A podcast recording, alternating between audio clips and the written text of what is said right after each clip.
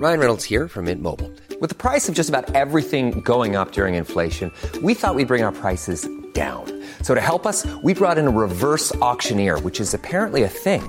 Mint Mobile unlimited premium wireless. Ready to get 30, 30, bit to get 30, bit to get 20, 20, 20, bit to get 20, 20, bit to get 15, 15, 15, 15 just 15 bucks a month. So, Give it a try at mintmobile.com slash switch. $45 upfront for three months plus taxes and fees. Promo rate for new customers for limited time. Unlimited more than 40 gigabytes per month. Slows. Full terms at mintmobile.com.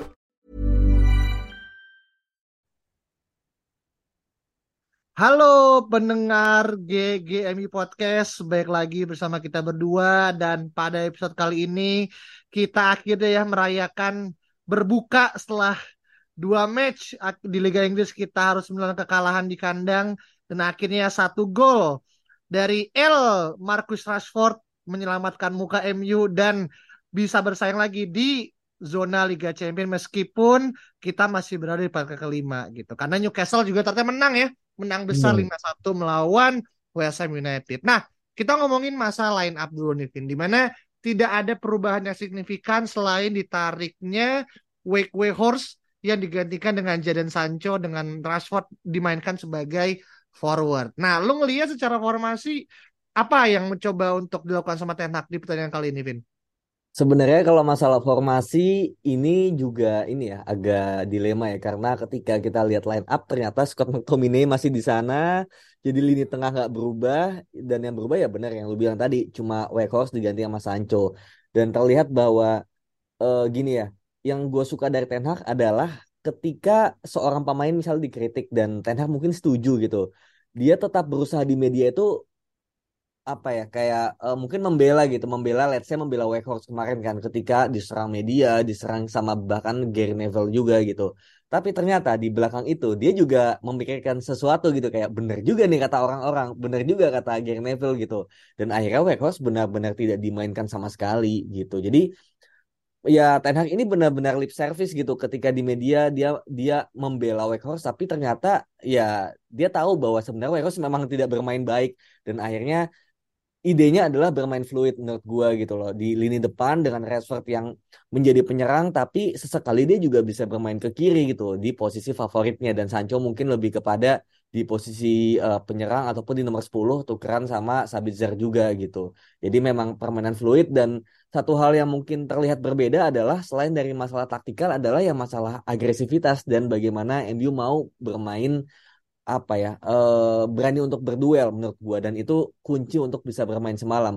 Terlepas dari memang Brentfordnya sendiri ternyata ya ternyata ternyata itu nggak pressing mainnya gitu loh. Benar-benar ah, mid block agak ke low block. Dan itu benar-benar membuat kita tuh main dengan nyaman.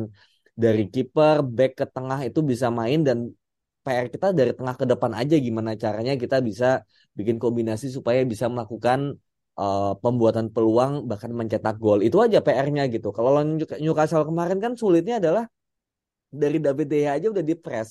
Jadi PR tuh banyak banget gitu. Stage-nya banyak sampai akhirnya bisa bola ke depan. Tapi Brentford mungkin karena udah kecapean ya lawan Brighton kemarin sampai 3-3 dan nantinya juga di weekend harus ada match lagi. Akhirnya di match weekend eh, weekdays ini lawan MU kayak ya kita cooling down aja dan sayangnya ketika cooling down itu itu sangat bisa dimanfaatkan oleh MU semalam. Oke, jadi memang akhirnya dari dua belah pihak pun juga harus ini ya membaca situasi ya karena dari mungkin dari Thomas Frank sendiri kalau emang akhirnya gaspol terus mungkin dalam hitungan tiga hari dan squad mereka kan juga mungkin ya sama-sama aja ya setipis MU juga meskipun secara kualitas pasti mungkin kita lebih di atas tapi mereka pun juga berpikir gitu kan. Tapi kalau kita ngeliat secara permainan ya MU di babak pertama itu kan full ngegas ya. Bahkan dari menit awal bahkan ya kita bisa ngeliat bahwasannya kalau tidak salah ya ini gue dapat dari data itu di babak pertama aja kita dapat kurang lebih 6 corner ya. Hmm. 6 banding 0 gitu kan. Di mana akhirnya kelihatan bagaimana flank itu cukup nyala gitu kan. Di mana ada Jadon Sancho dan juga Anthony yang menurut gue sih kemarin cukup bermain fluid ya. Gue kaget eh, Sancho cukup bermain agresif dan menunjukkan mungkin setelah dikritik ya. Mungkin dia nggak baca Twitter kan. Kalau dia akan dijual gitu. Kemarin menurut gue sih cukup oke walaupun tetap ada beberapa kritik yang didapatkan dan Anthony pun juga sama Dalot pun juga sering overlap yang ini yang akhirnya missing kan di pertandingan pas ngelawan Newcastle gitu. Selain emang akhirnya Dalot pun juga harus siap-siap menerima serangan dari San Maximim gitu. Tapi kalau kita ngelihat secara gol ya, di mana akhirnya gol ini kan tercipta dari quote unquote scrimmage ya, di mana akhirnya Sabitzer berhasil uh, menindul bola ke area Rashford dan Rashford tinggal quote unquote tap in lah gitu. Tapi di luar daripada itu kita cukup menciptakan banyak peluang, tapi sayangnya tidak ada gol yang tercipta gitu kan. Nah, gue pengen nanya ke lu nih, uh, terlepas dari gol ke-28 yang Marcus Rashford di musim ini gitu. Apa yang ngebuat akhirnya MU itu kemarin hampir banget kita itu seri ya karena ditekan di babak kedua dan kita nggak bisa minta gol kedua gitu dari berbagai macam cara nih Vin. Iya, kalau di babak kedua sejujurnya ya, gue tuh tiduran. Nah, bangun-bangun gue jam 4 dan lihat ternyata kita tetap 1-0 gitu. Dan gue baru nonton lagi tadi abis terawih jam 8-an, gue akhirnya sempetin untuk nonton babak kedua gitu. Karena katanya babak kedua ini nggak seseru babak pertama tapi lebih kepada battle ya kalau kata Ten Hag ya gitu. Jadi bukan dominasi tapi lebih kepada battle. Dan yang menurut gue lebih kepada memang konsistensi aja yang memang belum bisa terjaga dengan baik. Konsistensi bagaimana permainan MU di babak pertama yang bagus itu belum bisa dilanjutkan di babak kedua dan ya itu mungkin ya ini ada satu faktor di mana MU mungkin belum panas ketika setelah international break lawannya langsung Newcastle away dan Newcastle mainnya kayak gitu dan ada dendam juga gitu. Jadi memang sangat sulit gitu untuk MU. Dan untungnya lawan Brentford ini dengan pemain yang kurang lebih sama ya cuma satu pergantian aja itu akhirnya bisa lebih baik gitu meskipun ya babak kedua belum bisa uh, sepenuhnya seperti babak pertama. Tapi yang gue lihat juga apa ya dari sisi permainan tuh MU udah lebih pede gitu loh, udah lebih pede, udah lebih bagus juga, one touch passingnya juga gitu. Bahkan ketika Luke cedera diganti Malaysia itu juga nggak mengurangi agresivitas dan permainan MU gitu. Lebih kepada yang gue udah bilang kemarin, yang penting tuh sekarang menang dulu aja gitu dengan attitude yang baik gitu, dengan MU bermain agresif, ingin bermain menyerang, semangat, mau duel gitu. Itu dulu aja gitu. Masalah 1-0, 2-0, 3-0 itu pelan-pelan lah. Masalahnya nanti gitu. Nah kemarin juga sebetulnya menurut gue Brentford tuh nggak bahaya sama sekali gitu loh. Kayak cuma ada satu momen di mana De Gea uh, long ball, kemudian bolanya mungkin nggak bisa diterima dengan baik ya. Akhirnya uh, diambil sama Ivan Toni dan ya dengan skillnya kan ngelewatin Martinez, kemudian gue lupa pemain nomor 9 itu on on one sama De Gea udah itu aja gitu peluangnya. Sisanya tuh nggak ada peluang yang berarti menurut gua gitu karena Brentford agak pull themselves back menurut gua ya untuk bermain menyerang itu aja. Jadi gua melihat uh, bol uh, angin memang ke MU ya. Kemarin satu sisi MU juga main lebih agresif dan satu sisi Brentfordnya juga agak bermain kurang lepas dan kayak ya udahlah agak-agak semi-semi pasrah menurut gua gitu. Jadinya uh, ini cukup bagus dan semoga ini juga berlanjut ya di match selanjutnya MU lawan Everton di hari Sabtu nanti gitu. Oke, jadi kita bisa akhirnya berkaca ya mau nyetak seribu gol pun kan kalau Coach Justin kan it's still three point ya. yeah. Walaupun tentu ya kita akhirnya berharap uh, bisa memainkan goal difference ya karena kan juga ini saingannya sama Newcastle kan juga Newcastle juga secara attacking juga kencang banget ya dan kita pun kalah nih secara goal difference gitu kan. Jadi menurut gue memang terlepas emang MU kalau gue baca ya di opta.co ya quote unquote ada kecenderungan Tenak tuh relying pada top scorer yaitu adalah Marco Rashford gitu yang mana once dia deadlock ya pemain lain Jun juga nggak ada yang bisa ngerangkul dia gitu. Nah ini kan jadi suatu masalah karena juga musim masih menyisakan kurang lebih hampir 15 pertandingan ya.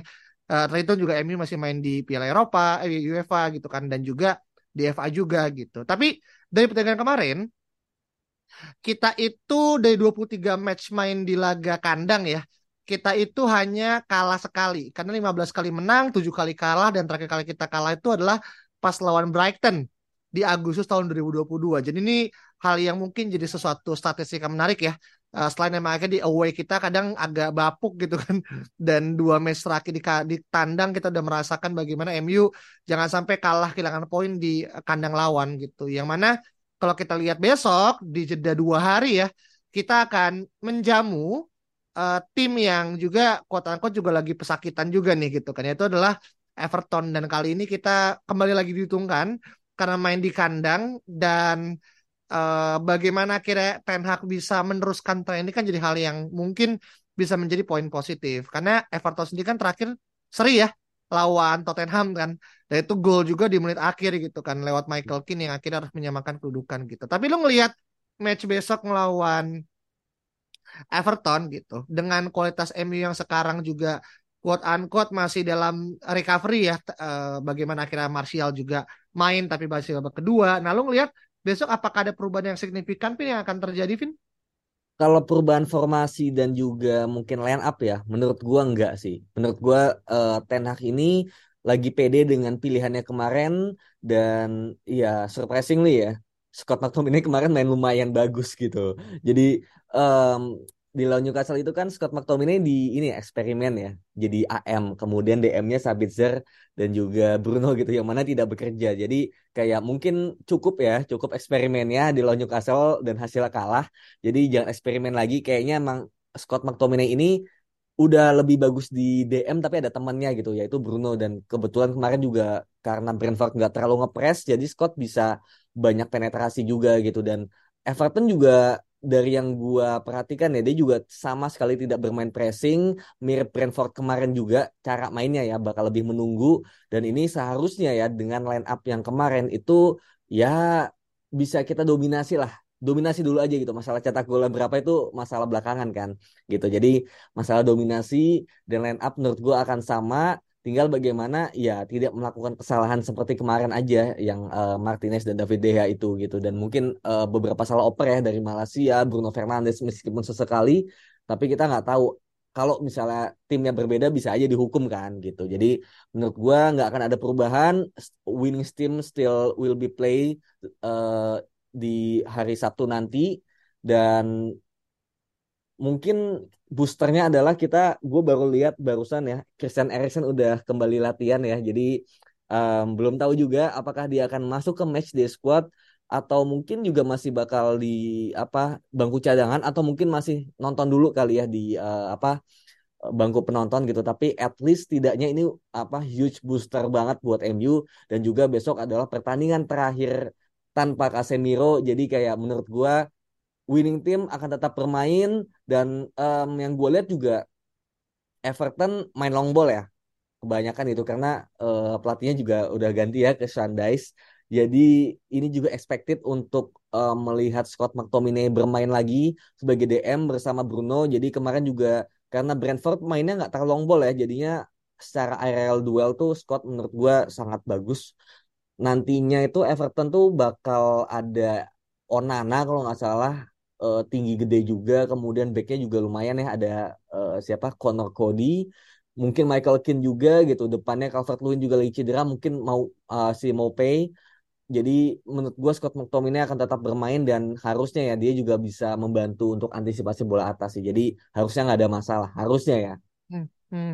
Iya iya. Dan ini pun juga akhirnya kalau kita lihat skuadnya Everton ya juga diuntungkan ya. Karena kan Dakore itu kan udah kartu merah ya setelah kemarin kota oh, iya, nyakar ya. mukanya Harry Kane ya.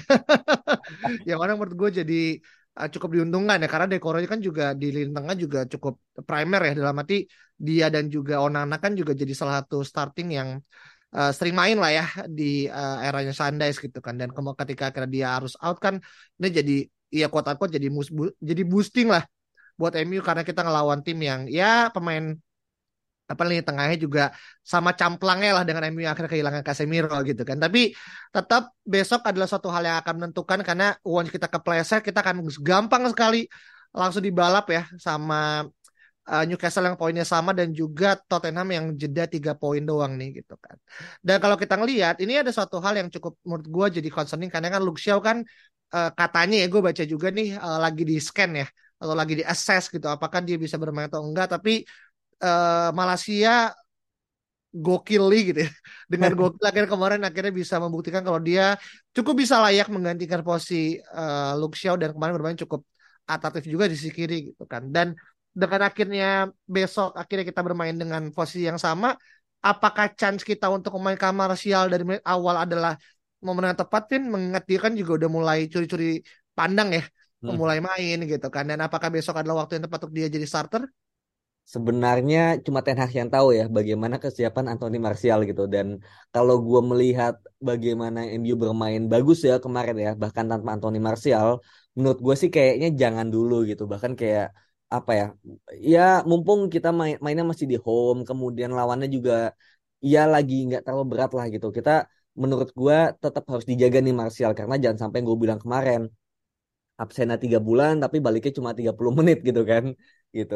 Jadi kayak um, kita pakai ketika kita benar-benar butuh gitu dan bahkan Anthony Martial di lawan Newcastle yang cuma main 20-30 menit itu impact-nya juga udah cukup besar kan. Jadi uh, Rashford menurut gue bisa bermain di sana setidaknya ya untuk inval sebagai striker ya gitu. Dan kemudian Sancho di kiri kemarin juga cukup bagus, Anthony di kanan. Menurut gue Martial masih harus menjadi cameo dulu sih nantinya gitu karena mungkin ya mungkin uh, ketika misalnya Martial main dari awal mungkin akhirnya ini bisa cetak satu gol gitu atau dua gol. Tapi kita nggak ada yang tahu mungkin next matchnya dia bisa nggak main lagi sampai akhir musim gitu. Kayak jangan sampai itu terjadi. Dan itu kan yang terjadi kan di uh, eh, MU ya maksudnya di Martial ya. Ketika kalau nggak salah dia comeback lawan Nottingham kalau nggak salah dia bisa cetak gol. Tapi after that ya dia cedera dua bulan tiga bulan gitu loh. Dan itu adalah satu hal yang jangan sampai itu terjadi. Karena kita sampai akhir musim kita banyak banget match-match yang berat ya. Kita masih ada FA Cup lawan Brighton masih ada away ke Spurs away ke Brighton juga. Kemudian masih ada home di Aston Villa gitu dan masih ada lawan Chelsea. Jadi masih banyak pertandingan yang menentukan dan itu adalah momen-momen di mana kita sangat membutuhkan Anthony Martial sebagai penyerang gitu yang mana dia bisa fluid, dia bisa uh, drop back juga, dia bisa membantu pressing juga. Jadi kita harus memanage dia dengan baik gitu. Meskipun dia udah bisa available, tapi kalau misalnya kayaknya dia belum bisa main dari awal 90 menit mending menurut gue simpen dulu aja sih. Hmm, jadi lo tipe apa ya, tipe fans ya yang akhirnya ngerasa untuk saat ini keep the winning team dan kita juga masih banyak menyimpan pertandingan-pertandingan penting ya. Tadi nyebut ada nama Tottenham, Chelsea, Aston Villa ya yang akhirnya jadi momok dan itu kan kita main di away ya selain dari mungkin Chelsea main di home gitu kan. Tapi ini adalah uh, schedule yang berat gitu kan. Dan kalau kita ngelihat Everton pun sebenarnya dari empat pertandingan terakhir kan mereka nggak pernah kalah ya menang sekali, kalah, eh sorry, sorry tiga kali gitu. Jadi mereka pun juga bukan dalam kondisi yang benar-benar negatif selain mungkin mereka di peringkat 16 ya. Tapi bagaimana secara gol yang mereka ciptakan karena Dominic Calvert-Lewin gitu kan dan juga Andre Townsend juga kayaknya masih belum bisa main ya. Oh. Dan Townsend kan adalah pemain yang mencetak gol ke gawang MU di musim lalu ketika akhirnya kita kuota seri kalau nggak salah ya, ya, ya. melawan Everton kan. Jadi ini adalah suatu boost di mana akhirnya paling yang main nah Anthony Gordon gitu. eh Anthony Gordon sorry udah pindah. Sorry eh, siapa James Garner ya mungkin balik kan ya, ya. Gray yang akan akhirnya jadi main di sayap gitu. Tapi gue cukup optimis ya uh, dan kalau kita ngelihat stats nih, kita coba ngelihat stats ini ada hal yang menarik nih. Kalau besok MU akan menang lawan Everton, itu akan menjadikan kemenangan ketiga 10-9 MU uh, terhadap Everton dan itu menyamai rekor paling banyak yang pernah dimiliki sama satu tim against tim lain gitu. Dan ini menurut gue hal yang menarik ya. Bahwasanya kita akan menjadi tim yang paling banyak menang dengan tim dengan tim lain ketika bertanding itu di match besok gitu, mengalahkan dari tim yang bermain di kompetisi Liga Inggris. Ini gue dapat dari The Analyst ya gitu kan. Jadi hmm. ini mungkin bisa jadi satu uh, apa ya mungkin another world record ya buat siapa namanya? Buat Ten Hag gitu kan. Selain kemarin dia udah hampir aja ya jatuh ke lubang 4 match tidak pernah nyetak gol ya. Akhirnya lolos kan dan akhirnya sekali lagi diselamatkan sama uh, siapa namanya? Marco Rashford gitu. Tapi melihat besok nih apakah lu cukup yakin Rashford akan menjadi another apa bisa bilang ya savior? Atau lu ngerasa dengan adanya Sancho yang akhirnya mulai main di kiri lagi, Anthony itu akan menambah daya gedor dan apa yang mungkin terjadi secara lini depan MU yang lebih fluid nih, Vin? Kemarin sejujurnya gue merasa MU nggak bikin banyak peluang ya gitu kayak yang bener-bener big chance itu nggak banyak gitu literally cuma ya peluang Rashford doang sama mungkin siapa ya Sabitzer gitu di babak kedua yang tendangannya juga uh, dari luar kotak penalti atau kotak penalti agak di masih depan gitu. Jadi memang belum ada clear cut chances yang benar-benar bagus gitu. Karena memang penyuplainya yaitu Bruno Fernandes kan namanya masih bermain deep banget gitu sebagai CM di apa di gelandang gitu nemenin Scott McTominay. Jadi memang nggak ada yang bisa melakukan banyak peluang. Yang bikin banyak peluang cuma Sabitzer dan dia nggak sebagus itu sepertinya dia lebih kepada pekerja keras juga seperti Fred gitu. Loh jadinya um, masih agak sulit gitu untuk kita melihat selama Bruno masih main di belakang. Kayaknya masih agak sulit kita untuk membuat banyak peluang gitu pada akhirnya dia satu dua momen yang menentukan kayak Rashford kemarin itu sangat mungkin untuk terjadi lagi gitu dan semoga juga nantinya uh, kita kembali bisa lebih agresif menang duel juga Dan kalau udah mainnya seperti itu ya menurut gue siapa aja bisa cetak gol sih gitu. Karena kemarin juga Bruno beberapa kali shot namun gagal. Anthony juga banyak banget ya shotnya gitu. Mungkin agak ngeselin juga gitu kan. Dia banyak shot tapi gagal. Tapi gue lebih memilih untuk bersyukur sih karena ketika Anthony ini nggak ada itu lebih menyakitkan gitu. Karena kanannya daripada Elangga gitu kan. Jadi gue mending Anthony kayak gitu. Tapi ya ya belajar dikit lah gitu supaya oh dan kemarin Anthony sempat crossing pakai kaki kanan kan gitu. Jadi itu ya kemajuan lah gitu. Dia tidak selalu mengandalkan kaki kiri cut inside tapi sama dia dengan uh, satu sentuhannya dia langsung kaki kanan dan tendangan Scott juga ke atas gitu itu juga mungkin peluang yang cukup besar ya meskipun bola ke atas oh masih ada juga peluang Fred juga yang dari Redford gitu jadi uh, menurut gue sangat bisa Rashford untuk cetak gol lagi meskipun mungkin nggak sampai dua gol tiga gol tapi seharusnya dengan kepercayaan diri dia yang udah mulai meningkat lagi Rashford bisa cetak gol lagi sih. Mm-hmm. Iya jadi memang ujung-ujungnya kita terus akan mengandalkan Rashford dan itulah kenapa akhirnya MU getol ya untuk akhirnya mendatangkan striker yang nanti kita akan bahas di episode berbeda gitu kan. Tapi kalau misalnya kita ngelihat terakhir nih ke Everton. Kalau misalkan nanti lo boleh jawab ya, tapi kalau misalkan gua ngelihat siapa pemain yang akhirnya harus dihindari atau mungkin perlu untuk di uh, apa ya, mungkin player to watch adalah Alex Iwobi gitu kan. Karena yang lainnya juga lagi nggak ada nih gitu kan. Kenapa akhirnya gua ngerasa Alex Iwobi karena menurut gua dia tuh pemain yang cukup starter ya dari menit awal. Meskipun mungkin kalau kita ngomong ke fans Arsenal Iwobi ya sekelas McTominay lah. Kalau kita harus akan membuang Tomine gitu kan. Tapi kalau kita lihat ya secara statistik itu Iwobi di musim ini itu dia tuh mendekati peringkat pertama gitu kan. Dari mulai apa position one in final third chance created take apa successful take ons gitu kan yang mana ini adalah suatu hal yang menurut gue cukup luar biasa gitu kan untuk pemain yang bahkan orang ngerasa dia uh, habis lah karirnya gitu kan ketika di Arsenal gitu kan. Nah, kalau sendiri ngelihat pemain yang mungkin bisa dijadikan semacam player to watch gitu selain Iwobi ada nggak yang mungkin lo punya poin beda, Vin? Kalau player to watch gue melihatnya Onana sih gitu. Meskipun Gray juga uh, ini ya bahaya juga di kiri, apalagi juga nanti lawannya Dalot gitu. Semoga Dalot juga bisa aman ya gitu. Meskipun bisa juga karena melihat yang mainnya Gray, and then Wan Bisaka yang akan dipasang di sana bisa juga gitu. Cuma gue melihat kemarin kepercayaan diri lagi pada naik semua Dalot juga bermain bagus kemarin gitu kan jadi menurut gue masih winning team yang bermain Gray udah pasti dia akan mencoba menusuk ya layaknya sang maksimang kemarin gitu kan tapi kalau ada pemain lainnya gitu yang gue rasa berbahaya ya itu adalah Onana gitu dan mungkin satu-satunya pemain yang bisa menghentikan dia itu adalah ya Scott McTominay gitu yang mana akan head to head dan juga akan berduel fisik. Jadi semoga Scott McTominay kali ini dia tidak kalah gitu.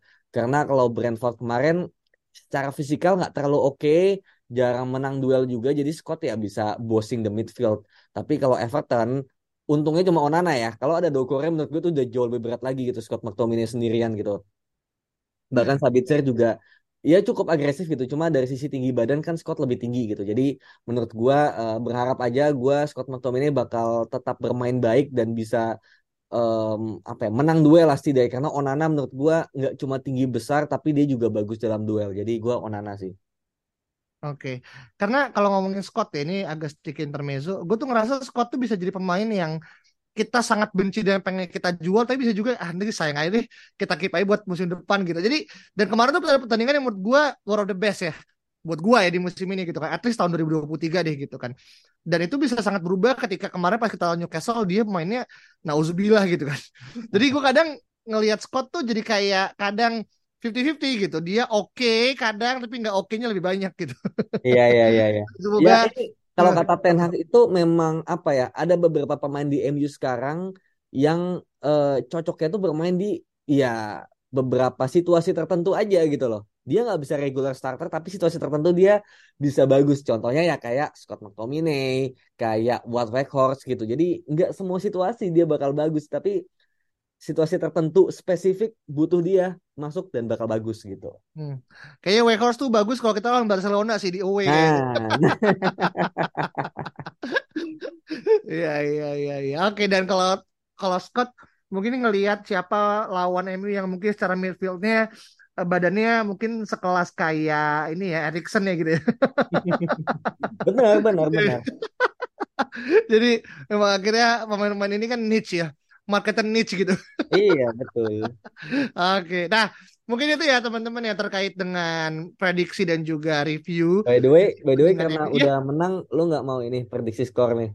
Waduh, gua agak kapok kemarin sempat meskipun itu kita membacakan ya, bukan kita sendiri loh. Ini kita membacakan dari hasil orang, cuman kayaknya gua eh, nggak dulu deh sampai akhirnya mungkin udah sekir empat besar ya atau rank 4 atau rank 3 gitu kan. Kita Baru udah rank 4 men sekarang. Iya, cuman kan ini kan sangat tipis gitu. Kayak sekarang tuh Ya. ngerasa gue ngerasa kayak PKH sama Duo tuh balapan, peringkat tiga empatnya balapan, tapi di dua track yang berbeda gitu. Karena poinnya Oh. udah beda 14 poin kan.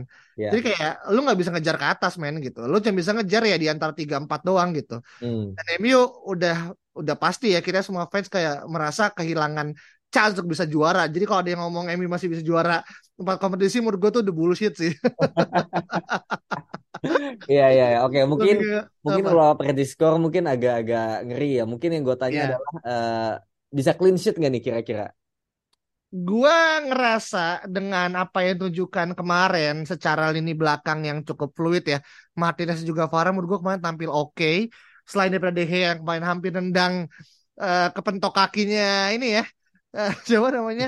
Ivan Toni kan Nah, itu menurut dia gua, kan. nah kan? Kumat lagi dia kan. Iya ya, gue ngerasa kemarin tuh hampir ya tuh dia jadi eh, apa dia jadi impostor ya di antara pemain MU gitu. Kalau masalah clean sheet sih gue masih cukup ini ya apa masih cukup pede lah gitu. Karena satu main di home, dua selama kita nyerang agresif ya dan selama bola itu tidak terlalu lama berada di pemain lawan which is mereka akhirnya melakukan penyerangan, gue sih cukup yakin eh chance untuk akhirnya bisa clean sheet sih menurut gue sih tinggi lah. Itu aja sih paling kalau menurut gue sih lainnya ya tergantung dari permainan seperti apa sih. Iya, ya, setuju, setuju. Gue pun juga merasa harusnya ya bisa clean sheet. Bahkan David De Gea itu di clean sheet Liga Inggris itu nomor 2 di bawahnya Nick Pope gitu. Jadi memang kehadiran Varane dan Martinez memang somehow kita bisa banyak clean sheet tapi di pertandingan away lawan top 9 itu kita bisa dibantai habis-habisan kan 4-0, 7-0, 2-0 gitu. Tapi di pertandingan yang gampang kita juga bisa clean sheet gitu. Jadi memang ini agak aneh sih. Iya, iya Gitu. anomali. Dan kalau kita ngomong kiper ya kemarin tuh Raya tuh adalah gue juga baca Raya tuh adalah kiper dengan uh, jumlah save terbanyak by the way ya. Hmm. Eh, jadi kalau ngomongin clean sheet mungkin Pop nomor 2 De Gea tapi kalau ngomongin save Raya perlu untuk dipertimbangkan. Dan kita pernah baca, kita pernah ngomong ya masalah David Raya ya sebagai Ya. salah satu kiper yang bisa dipertimbangkan gitu kan. Cuman kemarin ya selain dia ngelakuin save tapi nggak nggak save save banget lah tendangan dari Sabitzer gitu kan Iya, yang sedikit kayak atraktif tapi lainnya dia nggak notabene nggak kerja banyak gitu kan jadi itu ya paling ya kita nggak nebak skor lebih kepada clean sheet karena lebih aman tapi kalau bisa clean sheet akhir kembali besok nggak clean sheet kita akan hapusin eh, section ini karena kita nggak mau bermain terlalu bahaya ya karena udah masuk ke match-match terakhir gitu kan jadi kalau teman-teman mungkin ada pendapat dan juga hal-hal yang mungkin eh, apa berseberangan dengan kita berdua silakan balas eh, reply tweet kita di @ggmi podcast dan jangan lupa untuk kasih bintang 5 dan follow Spotify kita untuk kita bisa memproduksi konten-konten MU berikut ya. Sampai jumpa di musim depan. Eh, depan. Bye bye. Subtle results, still you, but with fewer lines. Botox Cosmetic, out botulinum toxin A, is a prescription medicine used to temporarily make moderate to severe frown lines, crow's feet, and forehead lines look better in adults. Effects of Botox Cosmetic may spread hours to weeks after injection, causing serious symptoms. Alert your doctor right away as difficulty swallowing, speaking, breathing, eye problems, or muscle weakness may be a sign of a life threatening condition. Patients with these conditions before injection are at highest risk. Don't receive Botox Cosmetic if you have a skin infection. Side effects may include allergic reactions, injection site pain, headache, eyebrow and eyelid drooping, and eyelid swelling. Allergic reactions can include rash, welts, asthma symptoms, and dizziness. Tell your doctor about medical history, muscle or nerve conditions including ALS or Lou Gehrig's disease, myasthenia gravis, or Lambert-Eaton syndrome and medications, including botulinum toxins, as these may increase the risk of serious side effects. For full safety information, visit BotoxCosmetic.com or call 877-351-0300. See for yourself at BotoxCosmetic.com.